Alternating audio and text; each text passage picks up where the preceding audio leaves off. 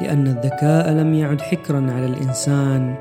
بودكاست روبوت نسبر أغوار المستقبل.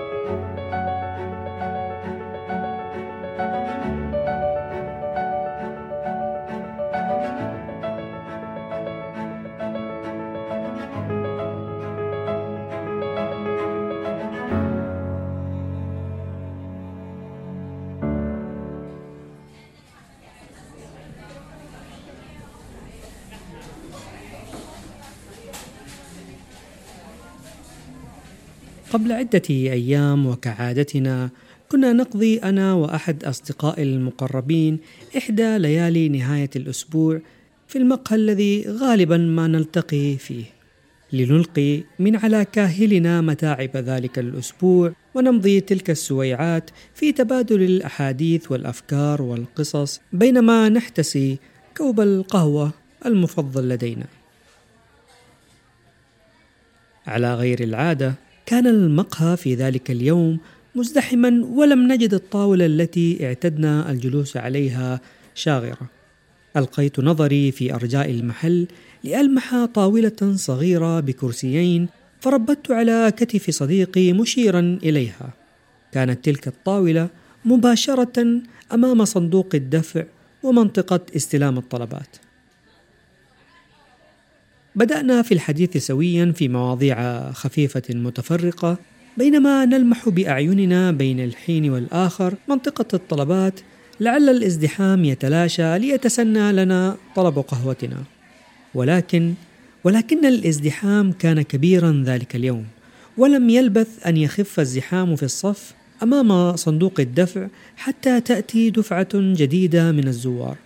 عموما لم نكن على عجلة من أمرنا وبدأنا ننسى أمر الطلبات مع انغماسنا في الأحاديث. كنت مسندا ظهري إلى الحائط ناظرا إلى منطقة الطلبات بينما أنصت إلى حديث صديقي. ولكن ولجزء من الثانية جذب نظري قميص أصفر اللون كان يرتديه شاب في العشرينات مع جنز أزرق.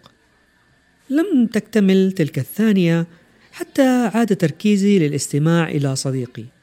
فمن الطبيعي أن يلفت اللون الأصفر عيني ولو لجزء من الثانية لأنه من الألوان القوية ولذلك يكثر استخدامه في اللوحات التنبيهية أو التحذيرية.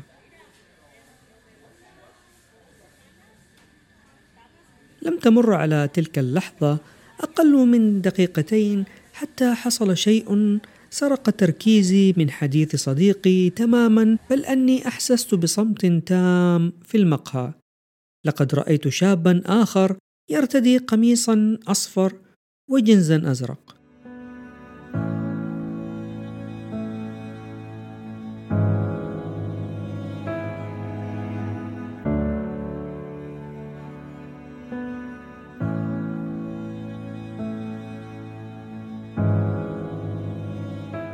حسنا. أكاد أجزم بأن جميع من يستمع إلي الآن سيقول غاضبا وما الغريب والعجيب بأن يكون هناك شخصان صادفا أن يلبسا نفس ألوان الملابس خصوصا في مقهى مزدحم بالناس. في الواقع هذا صحيح تماما. ليس هناك أي شيء غريب أو مميز بل ليس ذلك ما لفت نظري وشتت انتباهي عن صديقي الذي ما زال يتحدث إلي وهو غير مدرك بأنني في عالم آخر. حقيقة وجود شخصان يرتديان نفس الألوان كان المحفز لأن أطرح السؤال التالي على نفسي. لو دخل شخص ثالث أو رابع يرتدي نفس الألوان. ألن يجعلني ذلك في أقل تقدير أن أبتسم وأقول في داخل عقلي ما هذه المصادفة؟ هنا تكمن القصة. ما الذي أثار الخلايا العصبية في عقلي تجاه هذا الحدث؟ بل ما الذي جعل اللون الأصفر لونا جاذبا لعيني والذي بدوره يقوم بتفعيل مستشعرات التنبيه في عقلي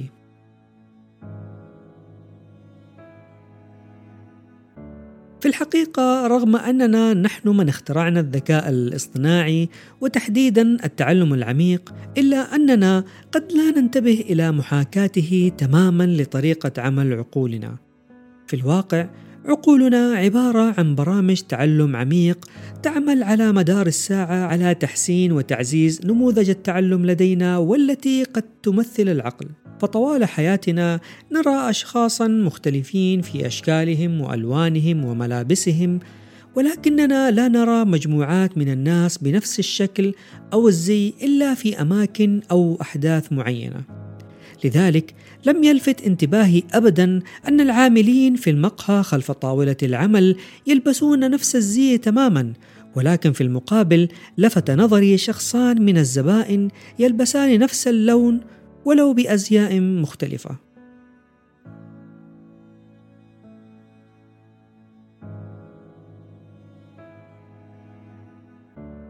أعتقد بأن فهمنا لكيفية عمل الذكاء الاصطناعي عموما والتعلم العميق خصوصا قد يجعلنا نفهم عمل عقولنا ويفسر لنا الكثير من الأحداث.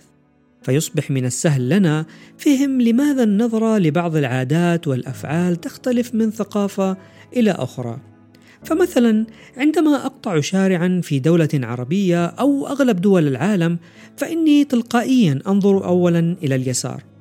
ولكن على العكس تماما في بريطانيا فإن الناس هناك ينظرون إلى اليمين عندما يقطعون الشارع وذلك لأنهم يقودون سياراتهم على الجهة اليسرى من الطريق. منذ أن ينشأ الطفل وهو يرى من حوله كيف يعبرون الطريق كما أنه يرى السيارات في الشوارع ويعرف اتجاهات سيرها كل ذلك ومع مرور الوقت يعزز نموذج التعلم لدى الشخص ليصبح لا اراديا ينظر إلى الجهة الصحيحة بدون أدنى تفكير.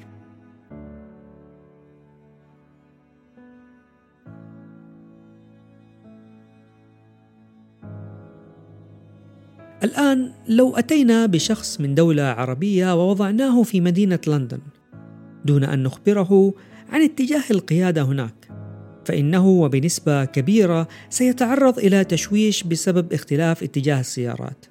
ولكن ومع كل مرة يقطع فيها الطريق ماشيا يعمل عقله على إعادة برمجة نموذج التعلم لديه لينتج لدينا شخصا لديه القدرة للتأقلم على الطرق في أي بلد بغض النظر عن نظام المرور هناك.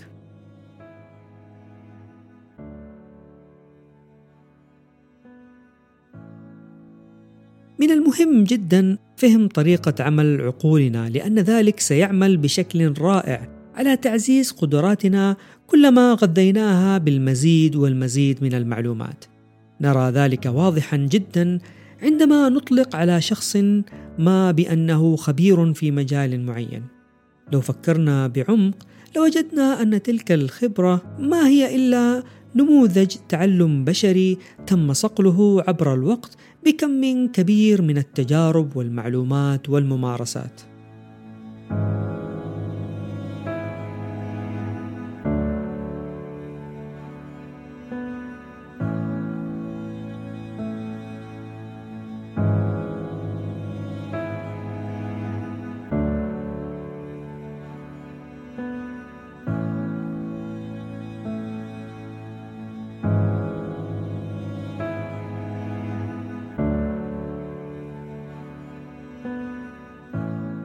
نظرت إلى صديقي المنهمك في التحدث الي وابتسمت بابتسامة خفيفة لأنه عندما سيستمع إلى هذه الحلقة سيعلم بأنني لم أستمع إلى شيء مما قاله في تلك الدقائق القليلة.